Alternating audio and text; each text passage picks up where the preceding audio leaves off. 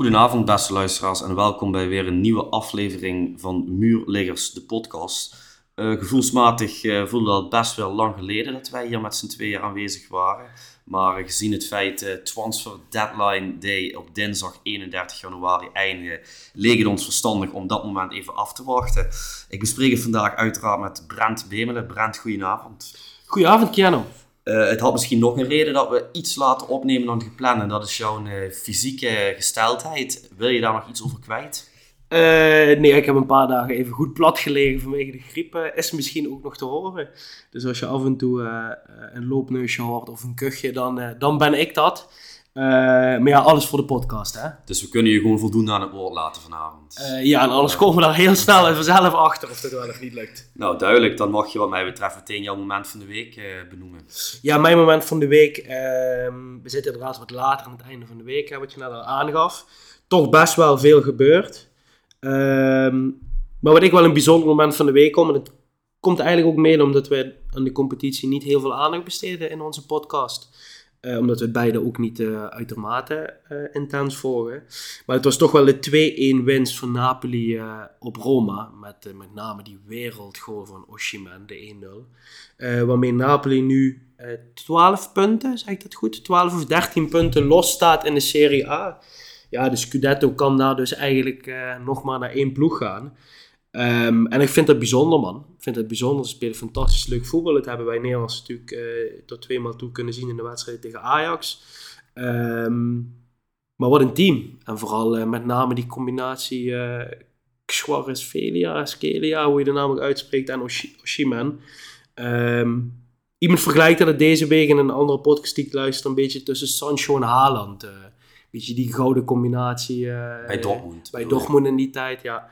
Dus um, nee, ik vind het mooi om te zien, man. Mooie club dat Napoli. Zeker, ja. 13 punten voorsprong inderdaad op nummer 2 Inter. 15 punten inmiddels alweer op uh, regerend landskampioen AC Milan. Ja, dat is ook, uh, Jezus Christus. Ja, die hadden een minder wedstrijdje afgelopen weekend, hè. 5-2 thuis tegen Sassuolo. Ongelooflijk. Een achterstand van... Uh, oh, ze kwamen wel op 1-2, maar vervolgens werd het 1-5. En uh, Divo Origi die redde in de 81 minuut nog een beetje de eer. Ja, klopt, ja. Maar ja, ongelooflijk. Maar wat ik vooral zo mooi aan Napoli vind, is dat ze eigenlijk vanaf dag 1 van de competitie eigenlijk al fantastisch voetbal laten zien. On-Italiaans voetbal eigenlijk, On-Italiaans voetbal. ja, echt aanvallend, dominant voetbal. en de resultaten worden ook vanaf dag 1 al binnengehaald ja, ik heb natuurlijk in de Champions League, uh, de wedstrijd tegen Ajax, heb ik het natuurlijk van dichtbij gezien. En uh, ja, er zit ongelooflijk veel voetbal in die ploeg. En ik ben wel eens benieuwd uh, wat die in de Champions League nog kunnen bewerkstelligen. Ja, we willen inderdaad zeggen, een kleine mini-stelling voor ons tussendoor. Kan Napoli de Champions League winnen? ja, alles kan in het voetbal. Ze hebben Eintracht Frankfurt gelood. Ik neem aan dat dat niet een probleem moet zijn om de kwartfinale te redden. Ja, en als je dan bij de laatste acht zit, moet je natuurlijk een beetje geluk met de loting hebben. Maar uh, ik geloof wel dat ze tegen geen enkele ploeg kansloos zijn nee. die momenteel op de Europese velden spelen. sluit ik me eigenlijk volledig bij aan. ik denk eerlijk gezegd Arsenal en Napoli, dat die uh, momenteel uh, op de Europese velden de beste indruk maken. Ja. En ja, echte grote ploegen zoals Bayern München, Real Madrid, Paris Saint-Germain, noem maar op. die hebben op mij tot nu toe mindere indruk achtergelaten dan Napoli. Ja, Nee, mee eens man. Heel leuk. Ik ben ook echt uh, benieuwd naar, uh, als die competitie weer vervolg gaan krijgen, hoe dat uh, zich gaat vormgeven de komende tijd. Ja, we zitten alweer in februari, dus ja, de hervatting van de Champions League, ja. dat gaat er snel aankomen. Ja. Dinsdag 14 februari wordt die competitie weer hervat. Dus dat gaan we met, met hoge ogen volgen. Um, ja, goed, Jouw moment van de week, ja. Ja, mijn moment van de week. Ja, ook dat voelt weer als ontzettend lang geleden. uh, de laatste opname was op woensdag 26 januari. En uh, donderdag 27 januari speelde Ajax een thuiswedstrijd tegen Volendam. En wij als Ajax-zieden denken altijd van ja, wordt het 7-0, wordt het 6-0, wordt het 5-0. De vraag of je wint, dat maakt niet uit, meer met hoeveel. Um, de druk op Alfred Schreuder die was natuurlijk uh, bekend, hebben we meermaals ook besproken hier. Er moesten eigenlijk uh, de komende vier competitiewedstrijden 12 punten gehaald worden, met thuiswedstrijden tegen Volendam en RKC en uitwedstrijden tegen Excelsior en Cambuur. Ja. Ja, en eigenlijk vanaf, uh, of bij wedstrijd 1 is dat meteen fout gegaan. Een 1-1 gelijkspel tegen Volendam. Een uiterst treurige, treurige wedstrijd om naar te kijken, kan ik je vertellen.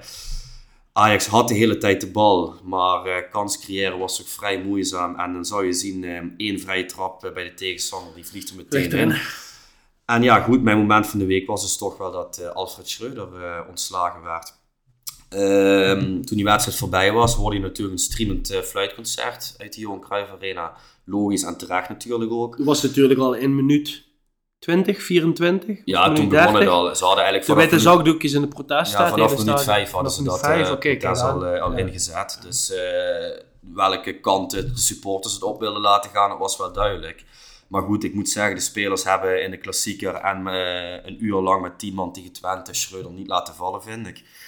Maar uh, het was nu wel duidelijk dat ze dat toch wel redelijk wel deden. want uh, kijk, laten we eerlijk zijn, tegen Volendam thuis moet je ook gewoon zonder trainer winnen. Dan maakt het eigenlijk niet uit wie voor de groep staat als Ajax zijn, dan moet je altijd thuis van Volendam Meens, ja, meens. Dus, uh, maar ja, goed, ik was wel, uh, ja, ik was natuurlijk furieus na het 1-1 gelijkspel. Maar ik had wel zoiets van, ik blijf voor die televisie zitten totdat ik reacties uh, uit het Amsterdamse kamp zie. Je voelde erbij natuurlijk in zekere zin toch voel hangen als supporter, denk ik. Ja, al weken. klopt. Maar het is natuurlijk wel heel on-Nederlands dat een trainer na een wedstrijd meteen ontslagen wordt. Dus ik was heel erg benieuwd, vooral naar het interview van Schreuder. Maar ja, dat duurde maar en het duurde maar. En uh, op een gegeven moment wel anderhalf uur verder. En ik dacht van, jezus, hoe lang moet ik hier nog kijken? Want bijna iedere speler van Volendam had ik al uh, aan het woord gehoord. Die hadden tussen de banken Nee, god, dat die natuurlijk de avond van hun leven hadden gehad. Dus ik was echt, uh, ja, het irriteren. Maar goed, uh, op een gegeven moment kwam dan een reactie uit het Amsterdamse kamp. En er stond dan onze algemeen directeur, Edwin van der Sar, met het uh, nieuws dat uh, Schreuder op non-actief is gezet. Ehm, ja, wel verrassend dat ze toch dan meteen na de wedstrijd dat bekendmaken. Maar natuurlijk ja, was het onhoudbaar om hem nog de kans te geven om dit recht te laten zetten. Want je kan zeggen over de directie van Ajax wat je wilt, maar je kan niet zeggen dat ze hem niet genoeg kans hebben gegeven. Nee, nee, zeker niet. Ik denk dat uh, juist de kritiek op de directie er is dat ze hem een kans of twee te veel hebben gegeven. Wat mij betreft, hè, we hebben het al uitgebreid besproken hier aan tafel.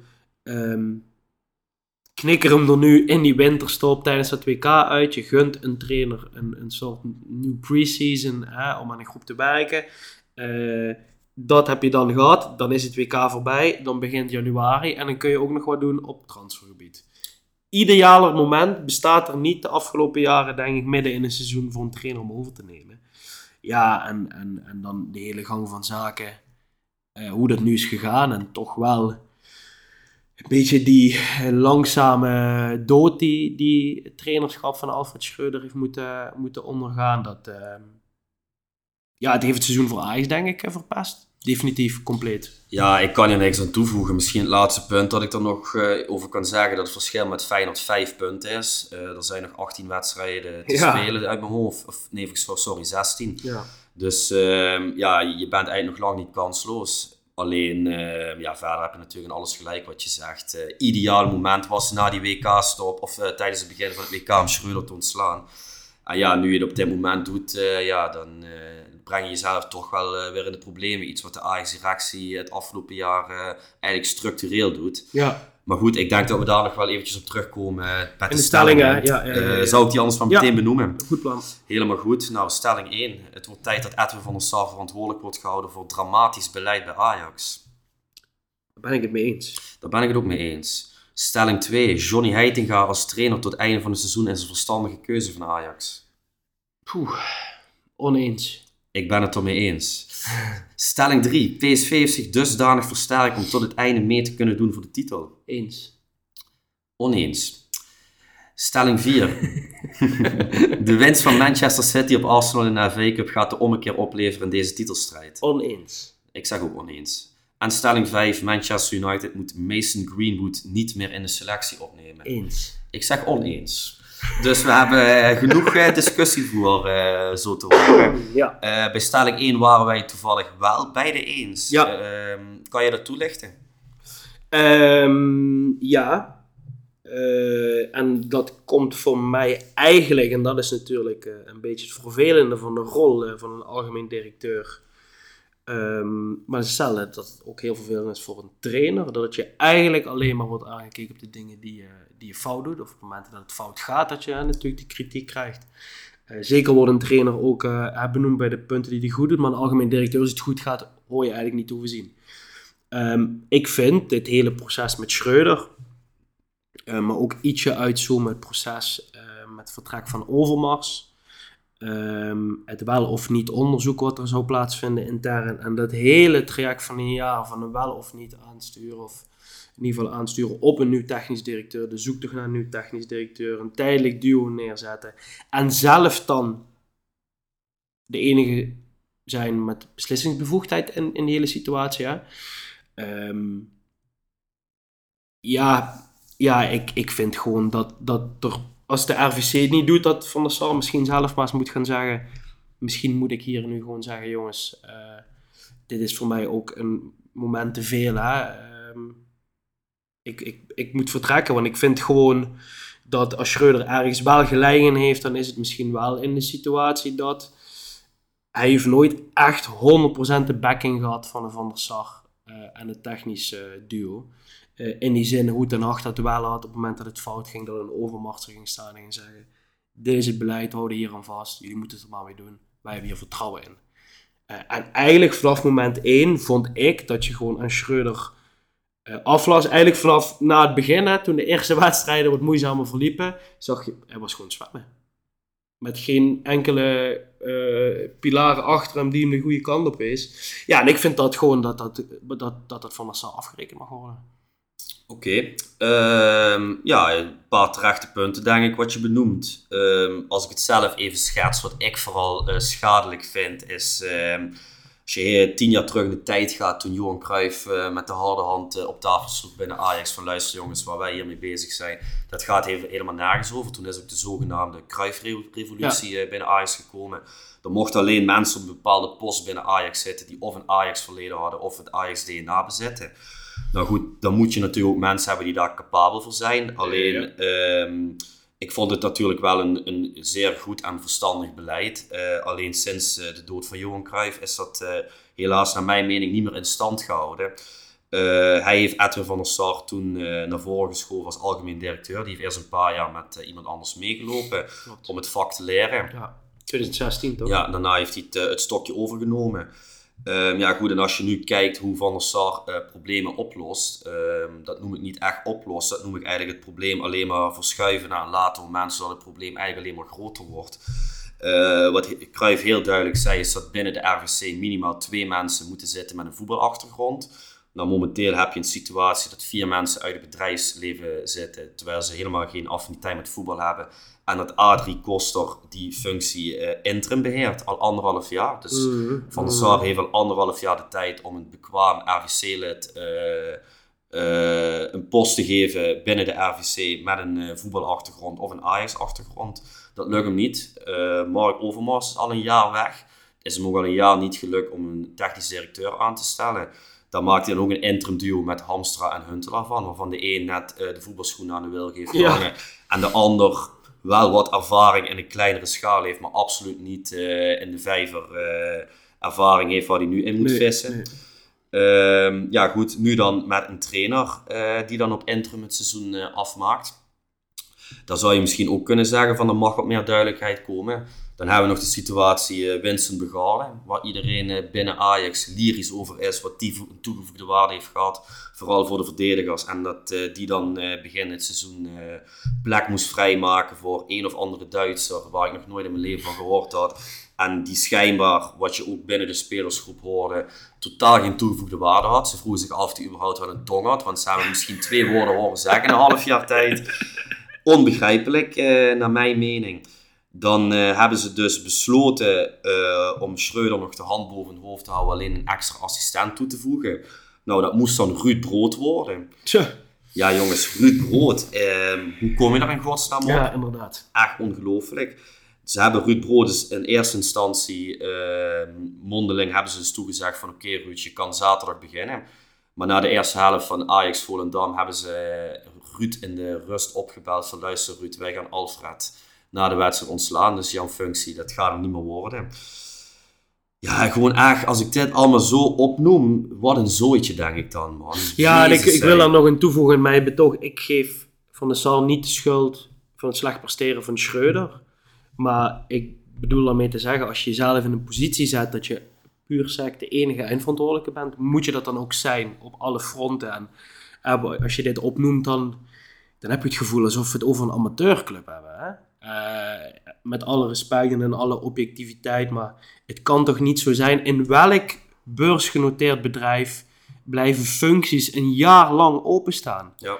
Dat, zeg maar, mensen willen toch voor Ajax werken. Hoeveel mensen met een Ajax-verleden of een hart voor Ajax uit het voetbal kunnen zo'n functie vervullen? Ja. Eh, zelfs voor een buitenlandse trainer of een buitenlandse TD is Ajax een interessante club, want het is de grootste club van, van misschien wel de Benelux. Uh, het is een grote speler in Europa. Er zit gigantisch veel geld in. Uh, er zit een selectie die voor het Europees succes meedoet en voor het kampioenschap. Snap je wat ik bedoel? Het, is, het, het, het, leven van Van der Sar zou in zekere zin het toch best makkelijk moeten zijn. Ja, klopt. Ja, je merkt gewoon een... Uh, een Sorry. nee, maar niet uit. we houden de luisteraars gewaarschuwd. Maar ja, je merkt gewoon een bepaalde besluiteloosheid. En ja. kijk, hij is misschien bang dat hij de verkeerde keuze maakt. Hij heeft eigenlijk maar één keuze heeft hij echt doorgeduwd. En dat is dat hij echt Alfred Schreuder als trainer wilde. Door zijn ervaringen, hoe hij als assistent fungeerde in de tijd Den Haag. Waar iedereen trouwens lyrisch over was. Snap, dus ik snap het wel. Dat hè? snap ik ook wel. Maar juist die enige keuze waar hij echt voor gestaan heeft wat hij echt doorgeduwd heeft, ja, die uh, is van die kant uh, mislukt. Ja, en, maar is het dan toch zijn eigen hachje proberen te redden? Of, dat denk of, ik wel. Of, um, kijk, want ik denk wel. Goed, zijn manier van communiceren is gewoon. Ja, dat kan die gewoon niet. Wat ik gek vind, want dat hoort iemand op een beursgenoteerde bedrijfsfunctie, in welk ander bedrijf dan ook, hoort zich fatsoenlijk te kunnen presenteren. Ik vind ook, maar dit is dan iets persoonlijks. Als ik hem dan na die wedstrijd dat interview zie geven, dan komt er een bepaalde. Hij zal het niet zo bedoelen, maar een bepaalde arrogantie straalt het van zich af, een bepaalde uh, ongeïnteresseerdheid. Ik denk dat wij het toch op dat moment als Ajax-supporter niet zien. Nee, hij heeft absoluut geen uh, empathisch uh, vermogen. Dat is uh, wel duidelijk nee. op de manier hoe hij zich daar neerzet. Maar goed, kijk, ik moet wel zeggen, dit is wel een probleem wat eigenlijk vanaf dag 1 al bekend is. Als hij één kwaliteit niet heeft, dan is het wel op een juiste manier communiceren naar de buitenwereld. Iets wat natuurlijk een algemeen directeur wel moet bezitten. Maar dat... ik vind, zeg maar, die kritiek, hè, sorry dat ik je onderbreekt, die Nee. ten Hag ook. Ik vind dat hij zich daar gigantisch in verbeterd heeft. Waarschijnlijk doordat iemand binnen Ajax heeft gezegd, je moet hier iets mee. Uh, ik vind het namelijk uh, fantastisch dat in Engeland, mede ook door de prestatie, is het nog geen één keer gegaan over de manier hoe Ten Hag zich presenteert voor de camera. Terwijl hier in Nederland hadden we er twee wedstrijden voor nodig en viel iedereen uh, over die droge tukker heen, zeg maar, om even te, te chargeren.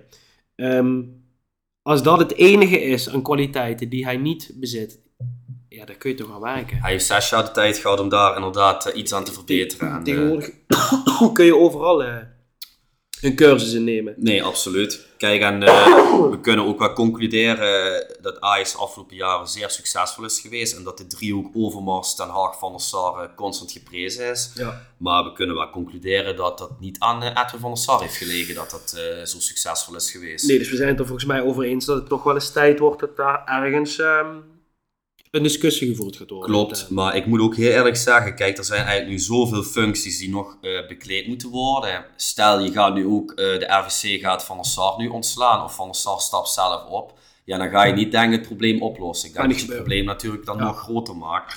Dus uh, ik, ik, zal, ik zal er niet voorstander voor zijn om hem nu de laan uit te sturen, maar dat hij incapabel is voor deze functie. Ik kan natuurlijk niet beoordelen binnen kamers. Maar uh, dat hij incapabel is, dat kunnen we denk ik ja. wel, uh, wel concluderen. Sluit. Ja, goed, dan kunnen we misschien ook meteen even een bruggetje maken naar stelling 2, waar wij het oneens over waren. Uh, Johnny Heitinga als trainer tot het einde van het seizoen is een verstandige keus van Ajax. Jij was het ermee oneens, ik was het ermee eens.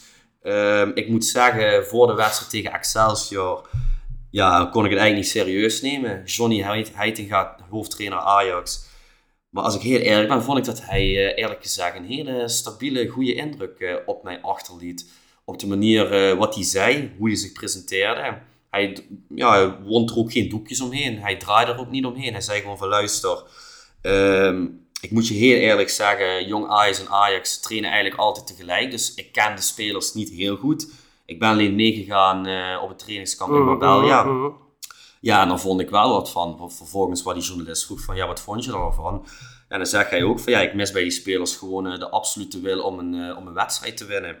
het is heel gelaten allemaal. En eh, ik vind als je dat Ajax-shirt draagt, dat soort salarissen verdient.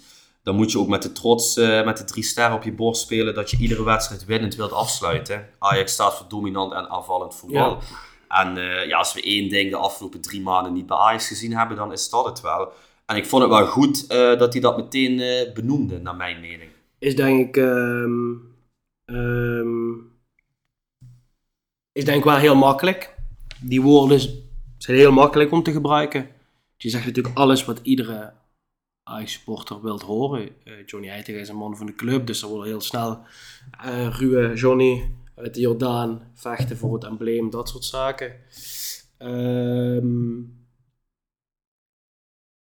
maar ik vind het nog wel te vroeg. En dan denk komen we ook bij waarom ik ermee oneens ben. Om op basis van het feit dat het natuurlijk gewonnen wordt. En de dingen die hij zegt in de media. Om te zeggen, dit is de man voor de klus. Want wat ik denk ik het meest uh, typerende vind, is in dit hele verhaal.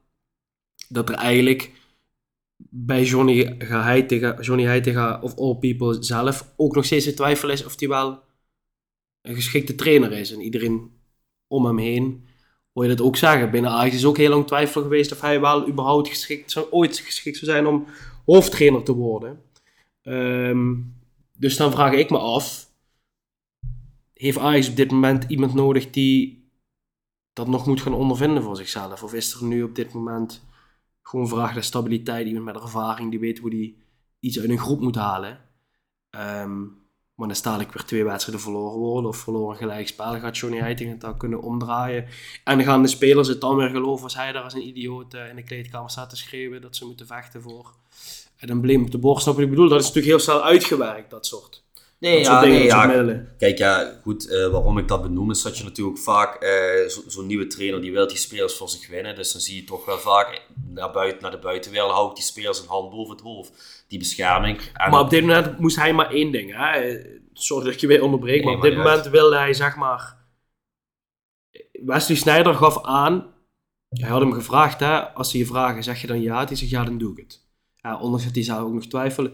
Ik denk dat Johnny Heiting op dat moment vooral dacht ik wil gewoon een kans maken op die baan. Ik heb nu één wedstrijd om het te bewijzen.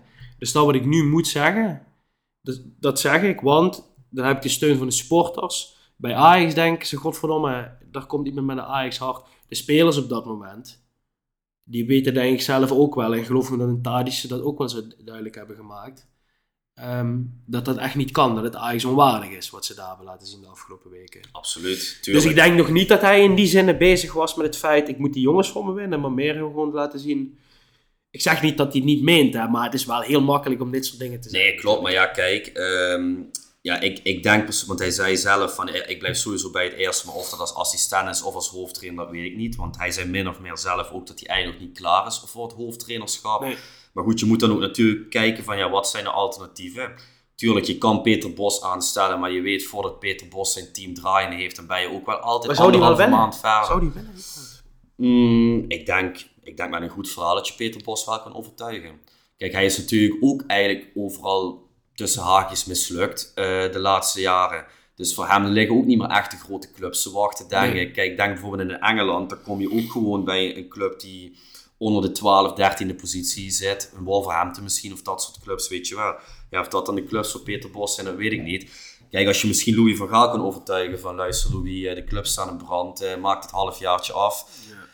Dan, ja, ja snap, snap, je? Zeker dat, maar ja, goed, ik ben, denk dan echt serieus dat die van de Sar denkt van ja, goed, als we van Gaal vragen, die gaat de hele club hier uh, overnemen. Dat, uh, dat wil ik ook niet hebben, weet je wel. Maar ik vond het gewoon heel goed dat hij meteen logische dingen uh, deed. Kijk, Bessie is natuurlijk constant de hand Ben ik het wel mee eens? Ben ik het mee 22,5 ja, miljoen, die moet spelen, maar speelt gewoon waardeloos. Wijndal die maandenlang op de bank wordt gehouden, ja, wat doet hij meteen? Bessie op de bank, Wijndal linksback. Tadic als links- of rechtsbuiten, dat kan niet meer ik snap wel dat je hem wil laten spelen, want zo'n Tadic is natuurlijk wel toch, hoe je het ook bent of keert, een boegbeeld voor die club. Dus die wordt er gewoon in de spitspositie gezet en Bergwijn op links en Kudus op rechts. Iets wat de supporters al maandenlang roepen. Kijk, en laten we eerlijk zijn, bij kan je ook gewoon 3-2 of 4-2 achterstaan tegen Excelsior. En dan ziet de wereld er inderdaad heel anders uit. Dat ben ik met je eens. Ja, maar laten we wel vooropstellen dat... Um, ja, het was logisch. En ja, hij zei de goede dingen. Maar het was de eerste helft gewoon dramatisch. Hè? Absoluut. Ja, dat dus gewoon 5-2 na, kunnen na staan. de hè. 0-1 zeker, ja. Dat gewoon 5-2 kunnen Ja, staan. Als maar dat zei hij ook. ik heb, als ik zie wat die jongens voor kansen missen, een paar geweldige reddingen van Roelie, Ja, eens. Geronimo. Maar, snap je, dan hadden we nu wel een heel ander gesprek. Klopt, nou, misschien hadden we dan gezegd van ja, weet je, wat moet die jongen doen? Die eh, Nee, heeft twee ja. dagen die groep voor zich en die komt Klopt, in het drama terecht, maar je wel. da- ik ben wel iemand die dat nu ook voor zich houdt. Want hij heeft Mhm. natuurlijk helemaal niks gedaan, behalve, en daar ben ik het mee eens, hij heeft gewoon een aantal beslissingen gemaakt die denk ik wij allemaal hadden gemaakt. Ja, die je net Ja, benoemde. behalve Schreuder. Ja, behalve Schreuder. Maar dan was ik de enige die Ja. een stijging zag na het gelijkspel. eh, wat was dat tegen? Oh my Twente of tegen Feyenoord. Toen zei ik, ik ben volgens mij de enige, maar er zit Ja, goed. Dus- Ja, ja, toen zei ik nog van Alfred, inderdaad, je bent de enige die het ziet. Mijn god, hè. Ja. Ja, nee, het wordt wel een spannende week op zich voor Ajax. Kijk, zondag uit naar Cambuur. Ja, tuurlijk, die moet gewonnen worden, geen smoesjes. Maar dan heb je donderdag Twente uit voor de beker. Ja. Je bent nog Ja. overal actief, Europa League, eh, beker en kampioenschap. Maar uit bij Twente is natuurlijk een team waar heel weinig mensen winnen.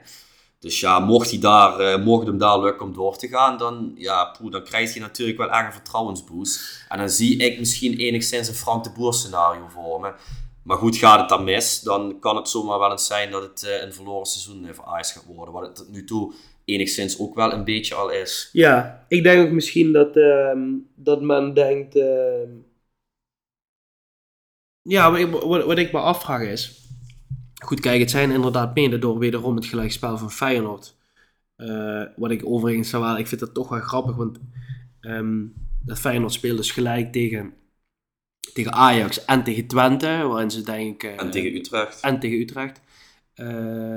Met, was het, zijn het de drie wedstrijden op In een eh, dit wedstrijd? Ja. Ehm, wat best drie gigantisch lastige wedstrijden zijn. Ajax eh, speelt dramatisch, Feyenoord speelt met vlagen echt goed. En toch is het gat nu nog maar vijf punten, wat je nou al aangaf, waardoor eigenlijk de hele nuance eh, vervalt en verschilt. Terwijl ik Mhm. denk, ehm, ik vond Feyenoord Twente echt een leuke pot om te zien. Ik vind ook dat Feyenoord zeer zeker daar een penalty had moeten krijgen. Het slaat echt helemaal nergens op wat daar gebeurde in die 86e minuut of zo was dat. Kan me Met niet meer herinneren. Met Nee, die, met die, met die, met die, met die, eh, Met die prupper. Met, Met die met ja. en, en Lindhout die voor Hans fluiten. En daarna zei dit is een duw. Ehm, maar er, zijn, er zit dus wel kans en daarom vind ik het toch wel verrassend. Want het is niet per se, denk ik, voor Ajax al een afgeschreven seizoen. Ik denk het wel, maar ik denk dat Ajax niet zo denkt. Nee, absoluut Dus dan niet. geef je echt toch best veel vertrouwen in een onervaren trainer. Zeker. Kijk, dat seizoen dat eh, Frank de Boer eh, trainer van de A1 was en opeens een stokje moest overnemen van Martin Jol, stond Ajax 13 punten achter op AZ. En hij kreeg het toch nog voor elkaar Ja. om met een heel middelmatig team, echt een middelmatig team, kampioen eh, te worden. Dus dat zit natuurlijk wel in het achterhoofd. Ja, en als je naar deze puntenverschillen kijkt, dan, ja, dan is eigenlijk bij feite alles nog mogelijk. Vooral omdat je ieder team waarmee je concurreert, die, eh, daar kom je nog één keer minimaal Ja, tegen en te spelen. PSV spelen het Dat weekend is tegen elkaar. komend weekend. Wat een rooster hebben, hebben die dan? Dan is Feyenoord wel, eh, ja, dan heeft Feyenoord wel al twee keer PSV en twee keer Twente gehad. Maar ehm, wat we ook moeten benadrukken is dat Ajax al evenveel verliespunten heeft als het gehele vorige seizoen. Dat is natuurlijk wel, eh, wel heftig als je dat eh, ziet en eh, Ja. dat zegt alles. En eh, ja, ik snap die concurrent ook niet, want ik denk van kijk, Ajax heeft natuurlijk best wel een monopolische positie de afgelopen jaren in de Eredivisie gehad. En dan denk ik van als er één seizoen is dat je toch die, die titel kan pakken, dan is het dit wel. En zowel PSV, AZ en Feyenoord laten het eigenlijk op dat gebied ook afweten. Als ik dan zie AZ afgelopen weekend 5-5 tegen Utrecht, ja, waar hebben we het over? Wat een wedstrijd. Waar hebben we het over? Wat een wedstrijd was dat. Mijn god, Ja, hey. nee, ja, ik denk, eh, ik denk voor, eh, voor veel Ajax-supporters eh, een last van de schouders. Ja, Toch wel. Ik denk ook voor veel Ajax-supporters ergens stiekem hoop. Ja. Ehm, waarschijnlijk geen onterechte hoop.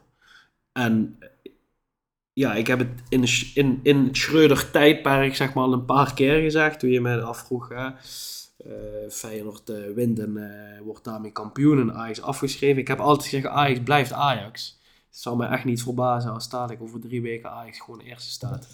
Wil ik niet zeggen dat ze het volhouden, maar dat ze in ieder geval dat gat nu overbruggen naar de rest. Beetje in die honeymoon periode tussen de nieuwe trainer en de club. Ja, goed, alle, alles is mogelijk. Ehm, ja, ik, één ding is wel zeker, het is dit, seizoen- dit seizoen absoluut nog geen eenheid. Dus dat wordt echt eh, de grootste stap eh, die, die hij te gaan moet zetten. om er echt een eenheid van te maken. Het spel moet echt minimaal 15 niveaus omhoog. Want dat is echt dramatisch. Je wint dan 1-4 tegen Excelsior uit. Maar goed, ten eerste is Excelsior. Ten tweede, bij Rus had je 4-5-2 achter kunnen staan. Dus het, wordt, uh, ja, het worden hele interessante Ja. weken. Maar ehm, ik denk wel dat wij eh, in de spannendste competitie dit seizoen in heel Europa Ja, leven. ja het, wordt echt, eh, het wordt echt leuk. Ja, klopt. Want ja, komend weekend is dus, eh je benoemde het net even, Feyenoord PSV.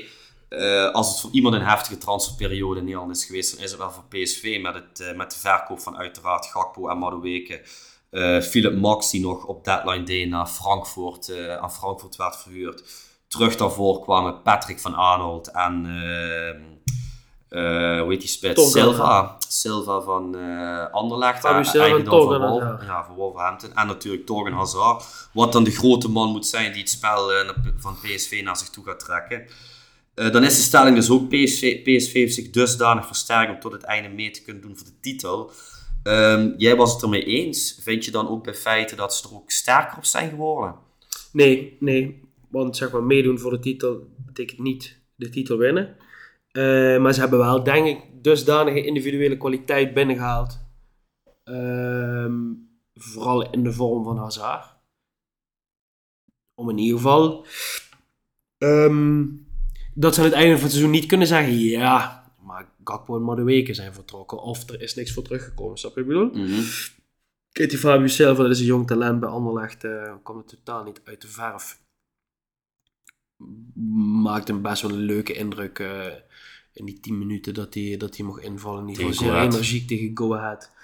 Ehm, dus dat, ja, Torgan Hazard is natuurlijk de vraag hoe hij het gaat doen. Eh, of hij binnen een half jaar er gaat staan of een beetje een Mario Gutsen-achtige periode wordt met heel wisselvallig en dan alweer vertrekken, waar Mario Gutsen nog een seizoen extra had. Eh, maar ik denk als hij er staat, is het wel iemand van dusdanige individuele kwaliteit, scorend en passend vermogen om in ieder geval wel de Gakpo-rol te kunnen invullen. Ehm, en ja, Philip Max ben ik eigenlijk nooit echt een fan van geweest. En met Patrick van Arnold. Ik moet, ik moet je eerlijk zeggen, ik had het altijd een hele degelijke back gevonden, man. Heeft ik best lang bij, eh, bij Palace eh, veel basis gevoetbald onder Hodgkinson. Ehm, afgelopen periode bij Galatasaray, toch? Mhm. Maar heeft hij niet veel gevoetbald. Vooral het laatste jaar niet Eh, meer. laatste nee. jaar niet meer.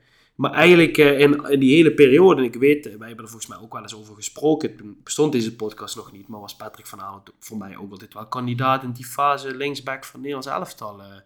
En toen we nog geen Malasia, Wijnal en dat soort jongens hadden. Ja, hij heeft die kans dus tijdens het EK 2021 Klopt. van Frank de Boer gekregen. Ja. En toen viel het me echt tegen, moet ik zeggen. Want ik vond hem Ja. bij Palace, vond ik hem ja, meestal een van de gevaarlijkste Ja, ja, ja, spelers ja, ja, van het ja. elftal. En vergis je niet, die Premier League is ergens, eh, dat weten we allemaal, maar dat is echt een serieuze competitie. Ja, vooral, vooral voor een backpositie, Ja. waar je dus en verdedigend gigantisch sterk moet zijn, maar vooral aanvallend moet leveren in, in veel van die systemen. Vooral bij die, bij die zeg maar 12 tot, tot plek 12 tot plek 16 ploegen, Mhm. zeg maar. Ehm, dus ik vind dat niet per se een verkeerde eh, keuze. Ik vind dat dus een vooruitgang ten opzichte van Max. Alleen, poeh, ja, gaan die jongens er meteen staan? Dat blijft toch de grote vraag, denk ik. Hè? Zou je hem ook eh, boven Mauro Junior eh, zetten, Patrick van Arnold? Ligt er aan welke Patrick van Arnold je krijgt. Ja, daar ben ik dus ook een beetje bang voor. Ik heb namelijk het gevoel dat eigenlijk wel het beste van hem af is. Ja, wat ik interessant vind is, Mauro Junior is een rechtspoot. Nee, linkspoot. Volgens mij staat er Hij heeft wel heel veel rechtsback gestaan met zijn linkerbeen. Oh, dan was dat het. Ik Ja. dacht dat het... Oké. Ehm, die discussie die natuurlijk loopt is, want eigenlijk heeft PSV wa- was eigenlijk eigen versterking moeten halen, was denk ik de rechtsback. Want zowel Mouene als deze zijn eigenlijk Ja. allebei een zwakke schakel. Ik eens. wil zeggen, je had misschien dan een omdraai kunnen maken, maar Ja. dat vervalt nu met Mauro Junior. Maar ehm, ja, ik, ik, ik weet het niet man. Ik, het ligt eraan aan wat welke van Arnold je krijgt, maar ik denk wel dat het fijn is om iemand te brengen ehm, in een wedstrijd waar je bijvoorbeeld zegt, hè, alle ballen op Luc de Jong. Dat je liever daar een Patrick van Aalen moet staan. Want ik heb een Philip Max denk de afgelopen twee seizoenen geen voorzet zien geven die aan is gekomen. Nee, hij begon echt eh, geweldig. Ja. Ook nog geselecteerd voor de Duitse Ja. nationale ploeg. En eh, ja, daarna toch wel heel erg afgezwakt. Maar ja, goed, eh, hij gaat er absoluut niet mee Nee. achteruit met zijn transfer naar Maar Frankfurt. ehm, jij was het er niet mee eens, toch? Nee, klopt. Om, dat is eigenlijk... eh, tuurlijk, ik heb die Torgen Hazard heb ik ook leuke dingen zien doen. Maar ik vind dat toch eerlijk gezegd net niet voetballertje. Ik vind dat niet een Ja. absolute steunpilaar waar een elftal op kan bouwen. En eh, de, het scenario wat jij net schetst met Mario Gutsen, ik denk eerlijk gezegd dat dat zo'n scenario gaat worden. Kijk, Gutsen, vooral bij Dortmund, fantastische dingen laten zien, met Bayern net niet gered. Zal natuurlijk altijd herinnerd worden als de man die de winnende WK-finale maakte. Ja. Maar eigenlijk vond ik zijn tijd bij PSV ook best tegenvallen. Kijk, dat je niet eh, iedere wedstrijd een 10 speelt, dat snap ik. Maar tegen ploegen als Go Ahead, RKC, Emmen, dan moet je natuurlijk wel als Mario Gutsen zijn en wel een wedstrijd naar je hand zetten. Ja. En dat viel mij heel erg tegen bij hem. En ik ben een beetje bang daarvoor dat dat bij Torgen Hazard ook gaat gebeuren. Ja, ik denk, ik denk vooral dat het, die jongen heeft natuurlijk heel weinig gespeeld bij, bij Dortmund. Eh, Ja, voor, ik dacht dat afgelopen- ook. Ik las wel dat dat best wel meeviel. Maar Ja, hij is in ieder geval niet meer opgevallen. Nee. Nee, dat, dat zal het inderdaad ook zijn. Eh, ik denk vooral dat dit te maken heeft met vertrouwen. Hij dadelijk in een van de eerste twee, drie wedstrijden gewoon weet te prikken, denk ik best wel dat dat voor die jongen veel, eh, veel goeds kan doen.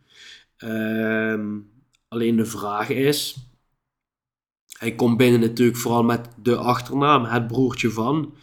Gaat daar ook een heleboel druk mee gepaard? Gaat hij zelf het gevoel hebben dat hij degene moet zijn die PSV naar het volgende niveau moet tillen? Of kan hij mee in de groep en fungeren in een team?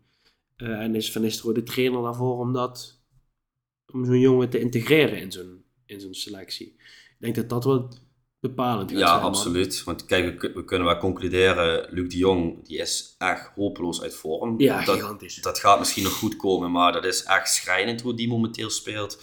Eh El Ghazi. Ja, ook gewoon net niet. Eén goal tot nu toe gemaakt, maar eh, heeft ook te veel kansen nodig. Dan heb je Bakayoko, wat al jarenlang als een groot talent wordt gezien, die zelfs voor 15 miljoen naar Paris Saint-Germain kon op deadline day, wat ik echt ongelooflijk vond om te lezen. Maar eh, die heeft nog ook naar mij mee niet de stap naar het Eredivisie voetbal kunnen zetten. Nee, zeker niet. Dus dan komt er toch wel heel veel druk op, eh, op Xavi Simons. En ehm, ja, ik, ik, ja ik, ik heb een hekel aan PSV persoonlijk, maar om het objectief te zeggen, ik hoop voor PSV dat die Torgen Hazard dan, dan wel meteen vanaf dag 1 staat, want dat is inderdaad wel echt van cruciaal Ja. belang. Ja, dat denk ik ook. Want als hun zondag verliezen van Feyenoord, ja dan, ja ik wil niet zeggen dan is het voorbij in deze rare competitie, maar eh, ja goed, dan wordt het verschil toch wel al meteen eh 7 punten. Dan durf ik ze wel af te schrijven voor in ieder geval plek 1. Ja, Ja, jawel. Ja, dat, eh, ja, dat zou heel goed mogelijk zijn. Wat, wat verwacht je dan eigenlijk van zondag? Goh. Ja, wat, wat ik een beetje mis, en dat is... eh daar kan die ploeg het eigenlijk in zekere zin niet heel veel aan doen. Maar ehm, ik mis een beetje het killer instinct bij Feyenoord. Als in een wedstrijd doodmaken. Is er niet gelukt tegen Ajax. Tegen Utrecht heel lang 1-0 achter. Scoren ze uiteindelijk nog. Is er niet gelukt afgelopen week tegen Twente. Nogmaals, 100% een penalty, dan hebben we het er natuurlijk niet over. Ze kunnen maar nog in de laatste minuut verliezen. Hè? Ja, Mark Bijlo, heel ja, goed die bal. Ja, mee eens. Ehm, de, dus dat zit een beetje in die ploeg. En Ja. het is ook niet dat ze er meteen 2-3-0 overheen klappen dan een wedstrijd gespeeld en klaar is. Dus ik, eh, ja, ik, ik, ik mis dat een beetje bij, eh bij Feyenoord. En Ik denk ook wel dat dat misschien hun gaat opbreken. Ja, en ik denk dat ze heel erg teleurgesteld zijn over deze window. Want eh, ja. Ja. er moest natuurlijk maar één speler komen. Dat was Seruki op de laatste dag. eh, Ook nog een keer de geprobeerd, hè? gevraagde 8 miljoen toch uiteindelijk geboden. Alsnog niet eh, gekomen. Slot zei ook na de wedstrijd, eh, de enige speler die we eigenlijk willen hebben, die stond vandaag bij de tegenstander op het veld. Ja. Dus dan merk je wel echt dat ze daar wel echt heel erg teleurgesteld over zijn. Daarnaast kwam het nieuws dat Simanski een paar weken eruit is. Ja, ook nog, ja. Ja, Quinten Timber is wel weer terug dan. Maar ehm, ja, ik denk dat ze daar wel echt... eh, ja, ik, ik begrijp eerlijk gezegd niet. Ik kan natuurlijk niet in het Die jongen portemonnee van, jongen van hè? Die, Thomas die, van der Belt, die Thomas komt van der de Belt, die komt dus nu in de zomer, dus die blijven in de, Ja, klopt. Maar goed, daar had je natuurlijk niet van kunnen verwachten dat die meteen er stond. Nu voor Feyenoord, van, Nee. van een Zerouki natuurlijk wel. Maar ik had toch als directie van Feyenoord zijn, in zo'n seizoen waar je de landstitel eigenlijk voor het grijpen legt, had ik misschien toch wat meer risico genomen. Ja, alleen het geld er niet is. Ja, denk je dat zo'n Feyenoord niet een externe investeerder kan vinden om nog 2 miljoen extra te bieden? Ja, ik betwijfel het. Maar ja, goed, eh, ik, ik snap het natuurlijk wel met het verleden. Dat was natuurlijk heel veel fout hebben gemaakt. Dat Ja. ze niet die kant meer op willen gaan. ik, ik denk, zeg maar, ik weet dus niet wat intern bij Feyenoord, zeg maar, eh, het plan van Slot is. En het meerjarenplan op technisch beleid. Of zij nu al mee willen doen om de titel, of dat het misschien vanaf volgend seizoen is met dadelijk wat zomerse investeringen. Nu misschien plek 1 of 2 eindigen. Uh, want volgend seizoen is natuurlijk het moment dat we twee directe plekken krijgen. En worden de inkomsten in de Champions League nog hoger? Precies, gaan volgens mij 60 miljoen of zo als je je kwalificeert met het, uh, met dat belachelijke systeem. Moeten we misschien, uh, dat is wel grappig, want dan moeten we misschien eens induiken. Ja, ik, ja, ik, ja goed, dan moeten zeg maar, we daar moeten we eens uitgebreid uh, induiken. En dan moeten we daar misschien maar eens een aparte podcast een heel cool over maken. Want volgens mij is het best wel interessant als je een beetje gaat kijken Absoluut. Naar, naar hoe dat zit. Maar even dat terzijde. Um, en ik durf wel te wedden dat Feyenoord daar ook op aast. Helemaal als je dus nu ziet dat er eigenlijk op dit moment in Nederland vier ploegen zijn die meedoen, kunnen doen om het kampioenschap. Misschien wel vijf. Uh, uh, ik weet even niet uh, wie dat, uh, wie was dat? Jeroen, hoe heet die knakker van Studio Voetbal? Elsof? Jeroen Elsof zou best kunnen. die gaf ook aan bij AZ, wordt eigenlijk al met grote ogen gekeken naar dit moment, omdat dat ze weten, dit is de zomer. Oh, je bedoelt die van uh, ook bij het Nederlands zelf ja. zet, Jeroen Stekelenburg. Jeroen Stekelenburg, ja. ja. Uh, bij AZ ook intern wordt geroepen, uh, deze zomer moet er geïnvesteerd worden, want dan wordt het aansluiten of niet. Want de twee ploegen die die Champions League tickets gaan krijgen, gaan in potentie weglopen bij de rest van Nederland. Dus ik vraag me af of Slot en Feyenoord dit jaar kampioen moeten worden. Maar even aansluiten op datgene wat je dus nu benoemt. Ik denk dus eerlijk gezegd, en dat is misschien heel gek wat ik nu zeg, dat de kans voor Feyenoord als ze nu geïnvesteerd hadden, groter is om dit seizoen eerst te worden dan volgend seizoen bij de eerste twee te zitten. Want clubs als een AZ, PSV en Ajax, die denken ook zo van, ja, komende zomer moeten we echt investeren. Maar PSV heeft het geld niet. Momenteel niet, nee, dat, dat klopt dat klopt, die hebben momenteel het geld niet. Maar Brands heeft wel gezegd, uh, we hebben nu extra niet geïnvesteerd. Ja, ja, omdat we komende zomer eigenlijk wel wat willen doen. Omdat we dan bij die eerste twee moeten zitten. Ja. voor Ajax is het natuurlijk ook zo. En AZ heeft het ook uitgesproken. Hij speelt geld geen rol. Alleen moet er zien met komende niet geld alle Overmars goed uitgeeft. En niet dat wat afgelopen zomer is gebeurd. Maar dat, dat terzijde. Nee, ja, interessant uh, jouw, jouw uh, visie daarop. Ik kan me daar best in vinden. Want dus met een heel even kort een maken naar de Arsenal. Vorig, uh, vorig jaar in de winterperiode stonden we er goed voor. Stonden we vierde. In ieder geval op een Champions League positie. we hebben heel lang achter Vlaovic aangezeten. Alba vertrok toen naar, naar Barça. dat soort zaken allemaal. En toen is er uiteindelijk niet geïnvesteerd.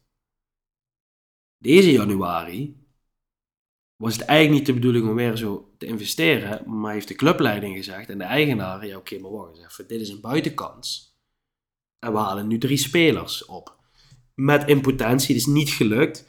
Uh, boden op spelers van 100 miljoen en 70 miljoen om echt te investeren in een selectie, omdat ze gewoon zagen, er ligt op dit moment een kans. Dus die schets die jij nu maakt, uh, vindt hij wel interessant, want die had Feyenoord in zekere zin kunnen maken. Alleen ik denk, bij Feyenoord is wel al jaren het probleem dat er eigenlijk geen geld is. Ja, klopt. Het verleden, dat dus ja, hierin. Ja, dat... Die 8 miljoen, daar hebben ze echt voor moeten schrapen. Om dat überhaupt te kunnen doen. Ja, nee, dat, daar heb je gelijk in inderdaad. Dus ik denk ook dat het een soort... Um, ik ben niet per se onkunde is, maar geen, geen bewuste keuze om niet te investeren. Ik denk gewoon dat het niet, niet ging. Ja, voor beide scenario's uh, valt dat te zeggen. Ja, ik denk gewoon echt alleen van, er is echt geen enkele ploeg, uh, het lijkt wel alsof niemand kampioen wilt worden. En ik zou echt, als ik als Feyenoord zijn, zou ik echt denken van, boy jongens, dit is zo'n gouden kans om dit seizoen die landschiet te pakken. Ja, ik zou er alles aan doen, want stel het lukt dadelijk niet, ja, dan krijg je natuurlijk wel het verhaal van, ja, hadden we misschien in januari toch maar meer ons best gedaan om zijn rookie binnen te krijgen. Ja, zeker. Maar ja, goed, dat, dat, dat gaan we zien. Uh, ja, jij benoemde Arsenal eventjes, dus uh, daar kan ik ook uh, even een bruggetje maken. Want stelling 4, dat luidt als volgt. Eh, de winst van Manchester City op Arsenal in de FA Cup gaat de ommekeer opleveren in deze titelstrijd. jij hebt deze stelling bedacht. Toen ik hem las, dacht ik van ja, Nee, daar hoef ik eigenlijk geen seconde over na te denken. Dat, dat, dat zie ik totaal niet zo. Dus ik dacht, misschien zie jij dat wel zo, maar jij zei zelf ook oneens. Uh, Waarom had je dan deze ehm, stelling op tafel uh, gebracht? Ja, die... die um, dit was natuurlijk het eerste meetmoment dit seizoen tussen Arsenal en, uh, en City. Um, en het gevoel heerste er wel dat, dat de club, zeg maar degene die met de winst voorbij er vandoor ging, die zou zeg maar een stempel drukken op, op de strijd. Alleen, het voelde in zekere zin Eh, kijk, verliezen is nooit leuk. Laten we dat vooropstellen. Maar het voelde ook voor, voor mij als Arsenal supporter als een soort van gratis test. Dat is de V-Cup. Uh, prachtige competitie. We zijn recordhouder uh, in die competitie. En dat is een prijs. En Arsenal moet voor mij altijd meedoen met een prijs. Maar als er een moment is in de historie uh, van Arsenal de afgelopen tien jaar dat je misschien competities voor moet trekken, dan is het nu wel. Het feit dat je eerst staat met vijf punten en als je zaterdag wint acht punten verschil naar City toe, is gigantisch. Um, maar toch voelt het als in oké, als je deze wint, kan het voor die spelers net die mentale boost zijn van, wow, even zelfs van City hoeven we niks te vrezen dit seizoen, want we hebben daar volgens mij al vijf seizoenen niet meer van gewonnen. Ja. Uit en thuis, ja, zoiets. Oh. Ja, serieus. Um, Jullie hebben toen toen in de halve finale V-Cup van hun gewonnen, of niet? Toch? ja, in de, oh, in, de, in de competitie bedoel ik, ja. Ja, vijf seizoenen of zoiets volgens mij. Um, goed, dan begint die wedstrijd. En Guardiola wisselt één speler, de keeper. En Arteta wisselt zes spelers. En toch, en dat vind ik misschien wel het knappe, um, had ik continu het gevoel, we zitten in die wedstrijd, we doen mee. Ah, jongens, is Holding achterin, uh, Turner op goal, Holding tegen Haaland, ik heb die nog, wat wordt dit voor afslachting? Uh, Vieira starten in plaats van Eudegaard. Uh, weet je, dat soort jongens. En het verbaasde me eigenlijk hoe onindrukwekkend ik City vond. En in die zin zeg ik, was een prachtige goal overigens, van oké, ehm, ga je maar met 1-0 eraf. Maar je kunt best wel op een minder gracieuze wijze verliezen uit de competitie vliegen. Want ik denk niet... Kijk, als je er met 5-0 afgaat, is het een mentale tik. Maar nu denk ik dat heel veel jongens het gevoel hebben van... Wacht eens even. Oké, dus dit doet City. Dit is City met Haaland. En ze lopen daar het veld We weten eigenlijk ook dat ze met mindere selectie op papier gewoon... Eerst zelf was je gewoon beter. Trossard had gewoon moeten scoren, dus had die pot nog kunnen winnen. Uh, en uiteindelijk denk ik, ben ik blij dat Arsenal in ieder geval uit de V-Cup ligt, want ja, dat snap ik die ook nog ertussendoor ja. krijgen. Ja. Laat City maar tot het einde meedoen, ja. uh, eerlijk gezegd, man. Uh, dus, dus ja, dat was eigenlijk voor mij dat ik zo zat van... Oké, dit zou best wel eens een ommekeer kunnen gaan zijn... als je hier echt met 4 of 5 0 verliest. Maar eigenlijk, als puntje bij baat komt... Oh, godverdomme, we konden gewoon mee. Met echt een gerouleerd elftal. Uh, we hadden niet hoeven te verliezen. En de manier waarop je verliest, ja, het is gewoon A, een goede goal. En B, het had voorkomen kunnen worden. Het was gewoon niet goed meegedekt uh, van de Saka. En dan denk ik, ja, ik denk dat we de spelers nu wel zoiets eerst van wacht maar uh, eh, 17 februari. Jullie bij ons thuis. We hoeven niks te vrezen voor jullie. Dat is voor het eerst dat ik dat ook wel heb als supporter zijn ehm, in de wedstrijd tegen City. Vorig seizoen hadden we de thuiswedstrijd, hadden we de eerste helft gigantisch veel beter waren. Dat ik eigenlijk dacht van, wat gebeurt hier? Waar kijk ik nou? Hoe kan dit? Wat is het voor een keer? En nu durf ik te wel dat ik best wel uh, uh, met een positief gevoel die wedstrijd inga. Ik wil niet zeggen dat het een goed resultaat wordt. Uh, wat ik daar nog aan toe wil voegen tot slot. Ik denk wel, als Arsenal echt tot het einde mee wil doen. En ik heb, denk al honderd keer geroepen, de wedstrijd tegen City worden bepalend hè, in de titelstrijd moet je minimaal één van die twee wedstrijden moet je winnen. Als je ze allebei verliest, dan denk ik dat we geen kampioen worden. Allebei gelijk spel zou ook acceptabel zijn. Toch? Ja, maar je moet ze zeg maar of uh, verliezen aan een gelijk spel, weet je, zoiets. Maar je, wat er gebeurt, je moet ze niet allebei verliezen. Win je dadelijk die thuiswedstrijd in februari, kun je, vergroot je daaruit gat, denk ik, dan hopelijk mee naar, naar 11 punten. Want ik zou het natuurlijk wel prachtig vinden zou het des Arsenals zijn zondag uit bij Everton. Eerste wedstrijd van Sean Dyche. Nee, maar goed, dat even terzijde. Maar vergroot je dan het gat naar 11 punten. Dan hoef je City nog maar één keer te ondervinden. Oeh, dat ziet er wel rooskleurig uit, man. Ja, je zou zeggen, dat kan het eigenlijk niet meer misgaan, hè? Ja, dat, dat zeg ik niet, maar uh, ja, dat is, dus dat is een beetje mijn, uh, mijn betoog. En ik denk ook wel dat ik daarmee vrij uitgebreid het hele punt uh, heb doorgenomen. Waarom ik in ieder geval wel even wilde bespreken. Omdat ik me kan voorstellen in de voetbalwereld Nederland en daaromheen wel met uh, bepaalde, uh, ja, affiniteit naar die pod is gekeken. Zeker, ja goed, ik, ik kan daar inderdaad bijna niks aan toevoegen. Het enige wat ik dan misschien aan toe wil voegen is dat mijn eerste gedachte ook was van dat het eigenlijk alleen maar voor jullie positief is. Dat er niet nog een competitie is waar jullie op moeten focussen. Ja. Je, je hebt al de, die tussenronde wat je dadelijk in de Europa League over kan slaan. Dus ehm, daar stroom je dan in maart in. Ja. Ja, dan heb je misschien dat gat met City al geslagen of dan zit je nog altijd op 5 of 8 punten verschil. Dus ja, jullie kunnen je echt gewoon eh, heerlijk op die titelrace eh, gaan focussen. En eh, ja, ik, ja, ik heb het al vaker gezegd, ik denk dat het jullie seizoen is. Kan natuurlijk nog veel gebeuren, maar eh, dit, deze neerlaag hoeft alles behalve negatief te Nee, zijn. mee, mee eens man. En is het ook zeker niet, maar is wat ik zeg. ehm, allebei de wedstrijden tegen City verliezen gaat, gaat een potentiële doodsteek zijn, denk ik. Ja, het wordt heel interessant. Ja. Eh, nog 15 dagen voor eh, de eerste ontmoeting in de Eerst Premier. League. en eh, zaterdag moeten jullie tegen Everton of zondag? Nee, zaterdag. Ja, Sean Dice, ja, oh, dat Everton. Moeten we het daar nog heel, heel kort over hebben, Ja. dat die dus gewoon hun beste Ja. speler verliezen.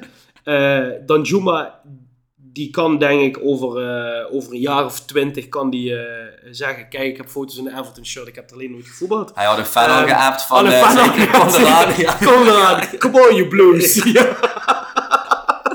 En toen belde Tottenham zei hij, oh fuck that, ik ben blij.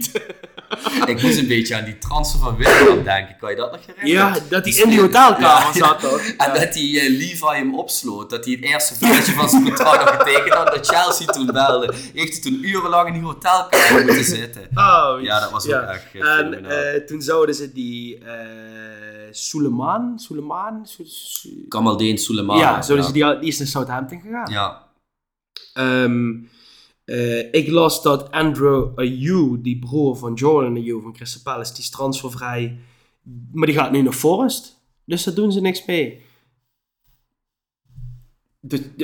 Ja, wat is daar aan de hand? Dan, dan schrijf je toch zo'n ploeg compleet op, eh, op te degraderen. Ja, ik, eh, ik snap daar niks van. Weet je, Everton natuurlijk nooit eh, een club geweest wat voor de landstitel of wat dan ook meespelen. Maar Maar wel een club historische die club altijd ja. aanwezig in de Premier League Ja. is. En eh, als je het zo moeilijk hebt en je hebt nog een window om er iets aan te kunnen veranderen. En je maakt deze keuzes, ja, Ik, ik vind de aanstelling van Sean Dyche vind ik echt een goeie. ja is ook uh, die gaat- degradatievoetbal. Ja, die gaat stabiliteit terugbrengen naar die groep. Die gaat waarschijnlijk gewoon 4-4-2 voetballen. En gewoon zo min mogelijk doelpunten tegenkrijgen. Defensief stabiliteit. En dan natuurlijk hopen op, op een uitbraak. Ze hebben snelle jongens voor in, dus het kan. Maar dan denk ik, haal iets. Maar goed, Ja, nee, ja, Ja. goed. Ja, op dat gebied, eh, ja, je noemde net even Nottingham Forest, daar kunnen ze dan een voorbeeld aan nemen, die dan 29 spelers dat wordt nu seizoen speler 29 of de, speler 30 als ze Euro halen. Eh, als ze Ayew halen, 30 jaar. Want eh, John Joe Shelby, dat was Ja. nummer 29, dacht ik. Navas. Ja, klopt, die ook nog. Ja, Maar wat gaat gebeuren met Dean Henderson dan? ja, dat was het eerste wat ik ook dacht. Want die mocht, eh, gisteren speelde United de laatste halve finale tegen Nottingham Forest. Maar toen mocht Dean Henderson Nee, niet keeper. nee. Dat is een regel eh, in Engeland. Maar eh, ja, ik denk, ja, ik denk wat, ben je, wat is dat dan van beleid waar je mee bezig bent, jongens? Hey, mijn Ze is eigenlijk als die van de Olympiakos, hè, weet je Ja, dat? Ja, dikke Griek is dat. Ja, klopt. Ja, ongelooflijk eh, waar je dan eh, mee bezig bent. Ja. Maar ja, goed. eh, ik denk dat we dit punt wel eh, behandeld hebben. Ja, als we even in Engeland blijven. Heel apart en onverwacht nieuws van de Engelse politie uit Manchester. Dan heb ik het even over Mason Greenwood. Die een, een jaar geleden op werd gepakt door de, door de Engelse politie. Hij werd verdacht op verdenking van verkrachting, mishandeling, bedreiging en emotioneel en ps- psychisch misbruik van zijn ex-vriendin Harriet Robson. Waardoor United heeft gezegd van eh, zolang dit loopt, eh, kom je niet meer aan het spelen bij ons en hoef je jouw gezicht ook niet meer aan de club te vertonen. En opeens eh, kwam de Engelse politie vandaag met het nieuws dat alle aanklachten tegen Greenwood zijn ingetrokken. Ja, wat dat dan opeens vandaan komt, heel apart, echt heel apart. Dus dan krijg je nu ook de stelling, ehm, Manchester United moet Mason Greenwood niet meer in de selectie opnemen. Ik ben het daarmee oneens, want schijnbaar ehm, de tegenpartij die heeft die klachten dus Een ingetrokken. kroongetuige is, eh, is inderdaad is even, even Ja. afgezien van, en dan vraag ik me af, kroongetuige, is dat dan, is dat die dame zelf? Of is dat een andere partij? Dat weten wij natuurlijk niet. Eh, maar ja, feit is dus wel dat eh, Greenwood niet meer verdacht is van de vermeende we hebben ook praktijken. allemaal die filmpjes gezien, hè? Ja, ik heb alleen dame. geluidsopnames heb ik gehoord. ik heb een filmpje gezien ook van die dame. Was het toch dat Oh ja, wel, heb ik ook een gezien. bebloede lip of een Ja, maar niet gezien dat hij dat gedaan heeft. Nee, nee, nee. dat Maar niet. dat kan je natuurlijk wel eh indenken, inderdaad. Ja. Maar jij was het daarmee eh, Ehm, mee eens. dus- Nee, ja, eh, om daar nog aan toe te voegen. United bracht volgens mij een uurtje of anderhalf, misschien ondertussen weer twee geleden uit dat ze eh, op de hoogte zijn gesteld van de beslissing van de politie. Maar eerst zelf een onderzoek willen doen om alvorens pas een beslissing te maken. Dat vind ik een zeer eh, correcte keuze. Eh, om dus niet meteen te zeggen, oké, politie zegt dit. Kom erbij. Eh, alleen, het heeft een jaar geduurd deze aanklacht wel of niet. Het is vrij dodgy nu dat opeens alles weer normaal zou moeten worden. Dus daar heeft iets plaatsgevonden. United zit op dit moment best wel in een positieve spiraal. Ehm, ja, wat moet je ermee? Ja, de- kijk, dat is, zijn natuurlijk niet scenario's eh, die je voor het seizoen in een draaiboek schrijft en eh, waar je dan op kan handelen als zoiets plaatsvindt. Weet je, je gaat ervan uit dat zoiets Nee, nooit zeker. plaatsvindt. Dus het is heel lastig om op de juiste manier met zoiets om te gaan. Maar ja, ik vind wel als jij eh, op papier onschuldig bent, ja, niemand verdenkt jou meer op papier. Je bent nog altijd werknemer van de club. Ja, goed, dan vind ik niet dat je moet zeggen van je kan die jongen nooit meer in een Manchester United shirt laten voetballen. Maar daarentegen ben ik het wel eens met het standpunt van de club. En eh, zou ik het vooral eventjes heel rustig aandoen. En als je die jongen weer in een United shirt zat lopen, liever van het volgend seizoen in plaats van dit seizoen nog gaan bij, de, bij het team. Ja, je, je hebt gelijk. Hè? En, en eh, iedereen is altijd onschuldig tot het tegendeel bewezen is. En in dit geval is er geen tegendeel. Dus zou je kunnen zeggen, die jongen is in ieder geval wettelijk gezien onschuldig. Alleen de hele nuance die eromheen hangt, eh, zou ik het niet gek vinden als een club zegt, eh Mason, je hebt geluk. Eh, je bent een talentvolle voetballer. Maar er is even een ander pad wat je moeten bewandelen, namelijk gewoon een andere club. Wij willen niet in zekere zin geassocieerd worden met in ieder geval de aanklachten die je hebt gehad. Ehm, dus ik vind dat geen gekke gedachte. Het zou hetzelfde zijn als jij een werknemer hebt die, eh, weet ik veel, verdacht wordt van het verkrachten van zijn vriendin. Ja, dan, maak, ja, dan zeg je misschien op een gegeven moment ook, ja, zo iemand en de pers die ik dan eh, in het bedrijf heb staan, of wat mensen van mijn bedrijf denken, of die nu juridisch gezien wel of niet schuldig is bevonden, wil die eigenlijk niet in de omgeving hebben. En eh, we gaan op een goede voet uit elkaar, maar hij, hij werkt niet meer voor me. Snap je wat ik bedoel? Dus, Klopt. ehm, wat jij zei, is allemaal de waarheid. En, en in zekere zin, hij is, hij heeft een contract, dus hij is werknemer van de club. Ik vraag me alleen af, moet United dat dan nog willen? Ja, goed. ehm, dat is een hele goede vraag. Ja, iets wat je je totaal niet kan voorstellen, maar als je het heel objectief eh, benadert, zou het ook maar zomaar kunnen dat het een of andere gestoorde chick is, die alles in scène Mee heeft eens, gezet. ben ik en eens. Ja. dat hij slachtoffer van de hele situatie Ja, is. alleen dan zou het niet zo lang hebben geduurd voor mijn gevoel. Dan zou het niet een jaar hebben geduurd. En dan zou ehm, United waarschijnlijk eerder hebben gezegd... Wacht eens even, we gaan eerst een onderzoek zelf doen. Want, ehm, ik weet niet of je dat hebt meegekregen. Begin dit seizoen heeft er een soortgelijk iets eh, plaatsgevonden met Party. Eh, Thomas Party. Niet meegekregen, nee. Ehm, er waren een bericht in dat is dan altijd zo mooi dat zeg maar dan de politie in Engeland die tweet dan iets en dan is het een zoveeljarige man die daar en daar woont en dan eh, in dit geval was het dan Premier League voetballer 27 woonachtig daar en daar, maar dan geen naam benoemen. Ja. Dus Twitter genoeg. kennende, dan Ja. heeft iedereen alweer zo uitgevoerd. En het ging ook om een dame die dus aangaf dat ze eh, verkracht was of met, mishandeld was door, eh, door Thomas Party in de zomer. Die ook op eh, Snapchat en, en allemaal bewijsmateriaal en dat soort zaken had. Eh, waarvan Party ook zei van, je bent een soort ex-vriendin was het dan. En uiteindelijk heeft de politie dan ook gezegd, ja, onvoldoende bewijs of de aanklacht is ingetrokken. Ehm, en dan wordt natuurlijk heel snel gezegd, oh ja, zie je, dit is wel zo'n aandachtsgeil wijf, zeg maar, om even eh, het zo te benoemen, die in de media wilt komen en op de rug van de voetballer geld wil verdienen. Eh, maar dat was eigenlijk binnen een maand of twee was dat opgelost. Wil ik niet zeggen dat het niet gebeurd is, maar dit heeft een jaar geduurd. Dus het is een jaar lang serieus onderzoek geweest. En wat ik niet snap is waarom nu dan die kroongetuige zegt, ik ben pleiten.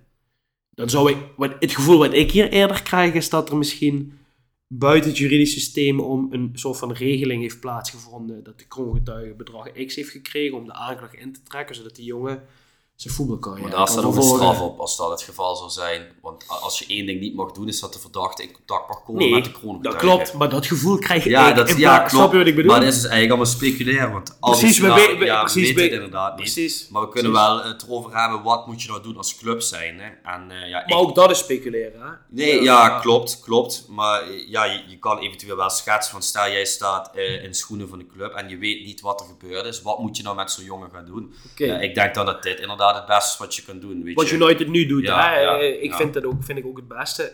Maar dan ga ik hem omdraaien. Zou jij Mason Greenwood ooit nog in een United shirt willen zien? Ehm, ik denk dat ik ehm, daar wel mee kan leven, ja. Ben ik eerlijk in. Als ik En zeker doe je dat dan op basis van ehm, dat je zegt van oké, hij is onschuldig? Of doe je dat omdat je denkt, godverdomme, dat is echt een goede voetballer, die je er echt goed bij gebruiken? Eh, beide. Beide. Ja, nee, ja, kijk, eh, nogmaals, ja, we leven gewoon in een wereld eh, waar het ook zomaar kan dat iemand eh, compleet geframed wordt. En dat, zoals ik Ja. net ook al benoemd, dat die check misschien alles in scène heeft gezet. Ik kan me niet voorstellen, maar ik, de, de wonderen zijn de wereld nog niet uit in de tijd waar we nu in leven. Dus ehm, nee, ja, goed. En je zegt het zelf net al, iemand is onschuldig totdat het tegendeel bewezen is. Dus ik zal hem wel een tweede kans geven. Want ik schrok een jaar geleden heel erg van het nieuws. Op de manier hoe hij zich altijd profileerde naar de media en hoe hij eh, in het veld stond, had ik dit eerlijk gezegd totaal niet achter hem gezocht.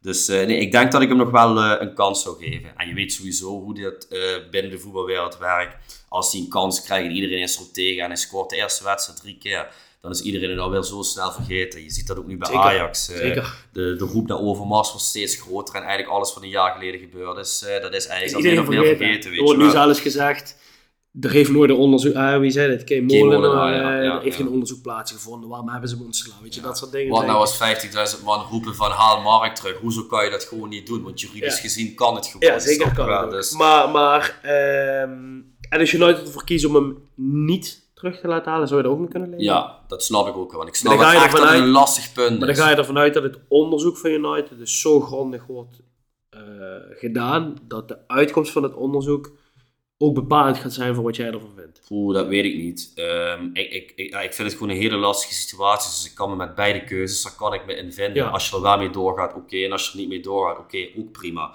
Maar ehm, ja, misschien dat ik persoonlijk dan zo iemand nog het voordeel van de twijfel eh, zou geven. Ja. Hey, eh, ik heb nog een vraag aan jou. Ja. eh. wat, wat was de meest verrassende transfer voor jou afgelopen ja, maand? Ehm, ja, goed, dan moet ik toch wel zeggen Wout Weghorst. Het feit dat hij een Manchester United shirt draagt, dat is wel iets wat, het laatste wat ik verwacht Ik had in mijn gaat leven. dus ik eigenlijk iets niks, Nee, niet iets nee. doen wat United Nee, ja, maar sorry, dat is toch echt eh, ja, zo ja, goed. onverwacht. Ook en de, de beste transfer dan, want dit was goed bijzonder. Eh, Ik denk, dat komt hij nu even met een prachtige antwoord. Nou, en, ja, mag ik misschien iets zeggen over iets wat niet gelukt is? Gaan we over Zier gaan? Hakim Ziyech, Oh, jongens. leuk, ik hoop dat we daar naartoe gingen. nou. Mijn god, wat is daar gebeurd, hè? Echt, ik was eh, op ESPN, hadden ze een eh, speciaal programma Ja, daar heb ik een gemaakt. stuk van gezien. Ja. Oh, ja, Laatste ik- uurtje, denk ik. Ja, ik heb ook alles gezien. En eh, iedere keer als er dan een transfer rond was, dan trokken ze de aan de bel. inderdaad. En dan, ge- dan zingen, ze, zingen ze van ja, ja, het is rond. En dan benoemden ze het even. Dus op een gegeven moment de hele avond van ja, zie je bijna rond, zie je bijna rond. En op een gegeven moment ging de bel. Ja, ja, het is rond. Nou, prima. En rond een uur of kwart over twaalf ging nog een keer de bel. Dus toen had iedereen zoiets van, het is toch twaalf uur geweest. En eh, inderdaad... eh, Het was niet Marco van Ginkel en Vitesse. Nee, nee het, eh, het nieuwsbericht kwam naar buiten dat de transfer niet rond was. Nou, wat is er nou uiteindelijk gebeurd? Ehm Ziyech was erbij met Paris Saint-Germain. Ook met Chelsea was akkoord. Hij was al medisch gekeurd. Ja. Eigenlijk alles prima, alleen de formaliteiten moesten nog worden, worden afgerond. Nou, in eerste instantie, eerste instantie stuurde Chelsea de verkeerde formulieren naar Frankrijk. Dus Paris Saint-Germain zei van jongens, jullie hebben de verkeerde formulieren opgestuurd. Stuur alsjeblieft even de goede op, want de tijd dringt.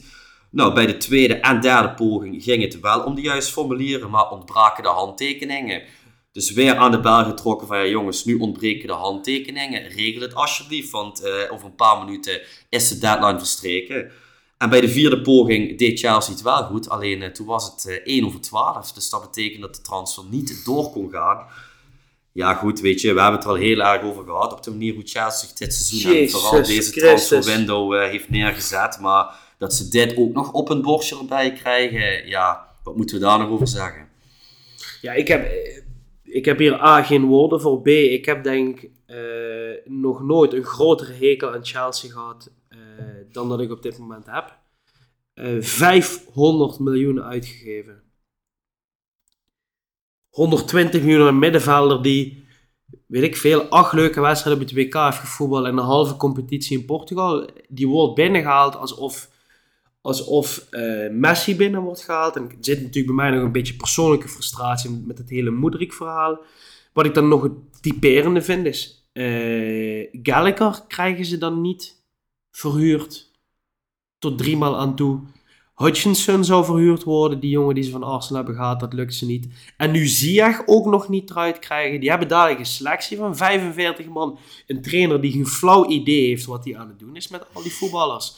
Jongens worden gehaald, die zijn 21 van 120. De hele, de hele markt is op dit moment verpest, want iedereen zegt, oké, Enzo Fernandes 120.000 euro. Ik heb een middenvelder, die is 180.000 euro waard. Miljoen waard, sorry. Eh, of ik heb een linksbuiten die, eh oh, Moedrik 100 miljoen. Ja, mijn linksbuiten is eh 200 miljoen waard. Weet je, dat soort zaken. En dan ook nog zo'n jong, jongen, zo'n, is- ja, tot, ja, ja, Ja, het is, wel fijn, eh, het is wel fijn dat ze dan nu toch wel een extra optie op de rechterkant hebben.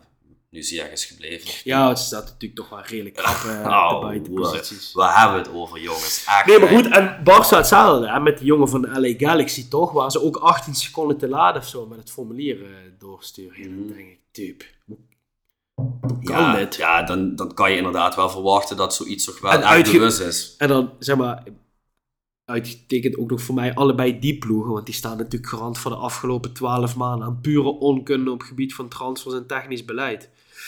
Eh, nee, maar goed, ja... Maar eh, waarom, zou- waarom zou Chelsea het bewust doen, denk je? Want het zou voor hun toch een zegen Ja. zijn dat, dat er een speler uit Ja, is met ik- al deze aankopen. PSG heeft een, eh, eh, ehm, hoe zeg je dat, een onderzoek aangevraagd, dat is afgewezen, eh, op basis van bewuste fraude van Chelsea. Ja, dat, dat zal het niet zijn geweest, maar ik denk het gewoon oprecht echt dat dit pure onkunde? is. Vier pogingen om de juiste formulieren op te sturen. Wat, wat ik denk, heel kort, het scenario is, op Chelsea, deadline day was maar één transfer, die hebben de hele dag in vergadering gezeten voor die deal met Fernandes te bespreken. Die zijn naar Portugal gevlogen, dus de mensen die de handtekeningen moesten zetten, zullen waarschijnlijk in Portugal hebben gezeten. Dus dat is van Parijs, Londen, Lissabon, Londen, Parijs moeten gaan. En ik denk dat het daar mis is gegaan, man. En de stagiaire zal het dan wel hebben moeten versturen of zo. Je snap je wat ik bedoel? Ja, ja, ik, eh, ja, ik vind het echt eh, ongelooflijk. Eh, ik denk dan van ja, dan, dan ben je eigenlijk met het verkeerde vak bezig. Als je zoiets al Ja. niet eh Ja, tot ik vind, het einde vooral, ik vind het vooral jammer voor Ziyech zelf. Want ik denk oprecht, en het klinkt gek, want hij zou ook een van de velen bij PSG zijn geworden. Maar onder deze trainer en in dit systeem, ik zie hem daar eerder renderen dan met Chelsea. Absoluut. En er wordt natuurlijk een grandioze kans voor die jongen ontnomen om met Neymar, Mbappé en Messi in een team te voetballen. Dat is natuurlijk Ja, ik zou, eh, ik zou echt, echt, echt pissig zijn, man. Ja. Ik zou misschien wel werkweigering overwegen. Ja, ja, goed. Je vraag is dan, help je jezelf daar niet mee? Maar ik zou inderdaad absoluut geen zin meer hebben om voor deze waarde- waardeloze club te gaan Nee. voetballen. Nee. Maar goed, dat benoemd hebbende, wat was jouw eh, transfer van de maand dan? Ja. Ja, ik, ik, ik vond eigenlijk... ehm, ja, er zitten wel een paar grote transfers tussen, maar ik denk toch wel Cancelo naar Bayern, man. Ook heel verrassend. Ja, Heel verrassend. Ja, dat kwam ik, moet het ik moet zeggen dat ik, eh, dat ik ook wel schrok in eerste instantie van eh Jorginho naar Arsenal. Dat Dat we het nog even over hebben. Maar Cancelo naar, eh, naar Bayern, die kwam, eh, dit is denk ik voor mij wel de grootste schok van deze transferperiode. En er is iets gebeurd. Ja, ik heb gelezen dat eh, Guardiola absoluut niet tevreden over zijn mentaliteit was nadat hij terugkwam van het WK. Te groot egootje moest Ja, het zijn want schijnbaar was hij heel erg geïrriteerd dat hij door Portugal op de bank was neergezet voor Dalot. Eh, toen kwam hij heel gefrustreerd terug en ehm, ja, schijnbaar eh, was dat ook te zien aan zijn prestaties op het veld, waardoor Guardiola hem ook een paar wedstrijden op de bank heeft gezet.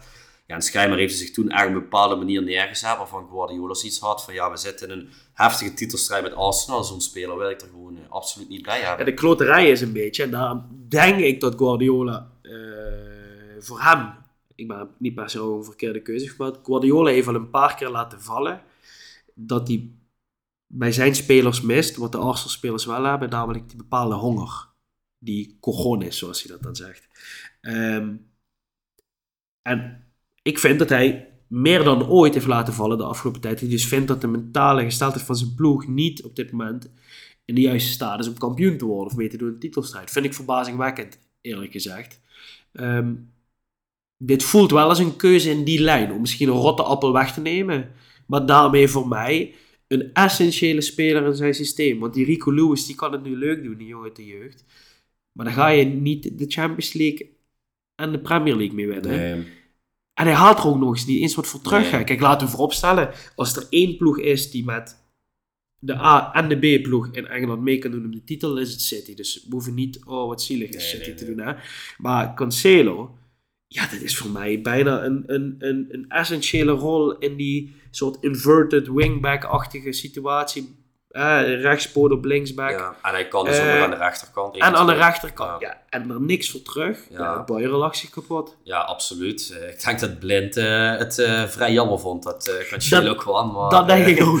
Maar, dat ik ook. eh, nee, maar dat man. Kijk, ja, ik denk dadelijk krijg je gewoon dat Walker op rechts, Ake op links en centraal Ruben Diaz en eh, Stones natuurlijk. eh, Ja, Stones geblesseerd. Maar goed, zo'n Laporte en zo'n Diaz, die zitten dus ook al gewoon weken op de bank. En En ik vraag me echt wat daar aan de hand is. Ja, vorig jaar daar kwam hij niet doorheen door die Nee. twee. Dus ik, eh, ja, ik snap er ook helemaal niks van. Maar goed, ik denk dus, prima. En de Premier League, en de V-Cup, en de Champions League. Blijf maar zo lang mogelijk doorgaan zitten. Dit gaat je ergens opbreken. Eh, Ja, ja heel goed. begrijpelijk, heel begrijpelijk. Ja, op zich, eh, we hebben natuurlijk vaak over Philip Cocu gehad. Jij benoemt Marco van Ginkel net even, maar... En Davy Prupper.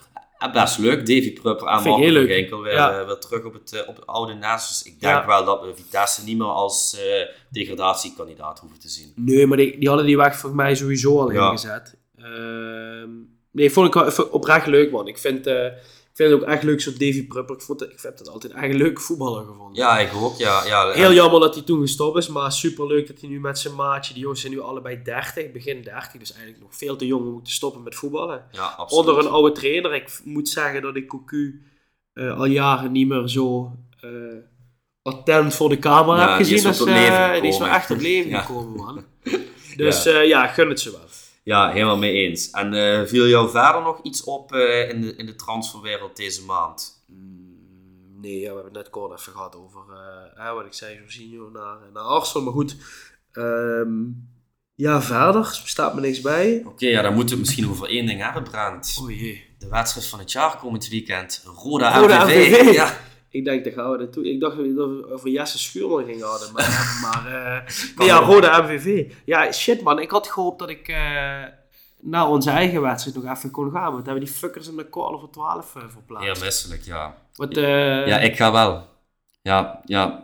Dus jij vertelt hier nu live Ja, in die podcast. dat, dat ik zondag niet bij de wedstrijd ben. eh Kronen, eh, waarvan achter dit? Ja, nee, we hebben, het er Aanvoerder deze, is er weer niet bij. we hebben het er deze week over gehad. Eh, ja, goed, eh, we, we hadden best... Tegen Wonder Forest kan het wel. Ja, tegen Wonder Forest, inderdaad. eh Ligt naast van ook Nottingham, City ja. toch? Oh, Onze luisteraars in Ja. België die weten helemaal niet waar we het over Nee. hebben, maar daar hebben we het een andere keer wel over. Nee, ja, Roda MVV, eh, ja, ik, ik heb wel het gevoel... dat- Zes punten wedstrijd als je mij vraagt. Precies, kijk, natuurlijk moet Roda altijd thuis winnen van MVV, maar gezien de stand op de ranglijst is het nu al helemaal van essentieel belang dat er wel zonder drie punten gehaald. Ik moet je heel eerlijk zeggen, we kunnen, we zitten ruim in de podcast, maar we hebben nog wel even. Ik heb eh, de eerste helft gekeken van Roda eh Pack en de laatste 25 minuten. Wereld van verschil. Ik was positief verrast. Ehm, tot aan de goal van Pack, dat was volgens mij een minuut 25. 25 zoiets. Dacht ik, oh, we kunnen best mee. Pack niet goed. Ja, toen, die scoren dan twee keer eh, in, in een tijdbestek van Hele 10 zwakke minuten. Eh, ja, wat ik heel interessant vond bij dat pack, dat vind ik eigenlijk een fantastische tactiek. Ik heb er eens naar gekeken. Die pleuren dus zoveel mogelijk mensen als ze kunnen in de 16. Hè. Als daar een voorzet komt, staan er altijd acht man in de 16. Ja. Maar die houden altijd maar die drie man achterin. Dus alle ploegen doen wat Rode die eerste helft ook proberen. Lange bal, op snelheid eroverheen. Niemand lukt het. ja, klopt. Dat viel mij ook op, want Da- Roda da- wilde echt op de omschakeling Ja. spelen, maar het was de hele tijd 3 tegen 7 of zo, da- 3 da- tegen 8. Maar dat systeem is, is, is echt gedoemd om te mislukken van PAC, vind ik. Maar het lukt ze dus gewoon. Dus, maar goed, dat terzijde. Alleen, eh, en dat vond ik sterk van de trainer. Wat ik dus jaren miste bij eh Strappel was geen plan B. Als het niet lukte, lukte het ook niet. Dan ging je opeens forse dan erin brengen voor, voor 6 voor een 6.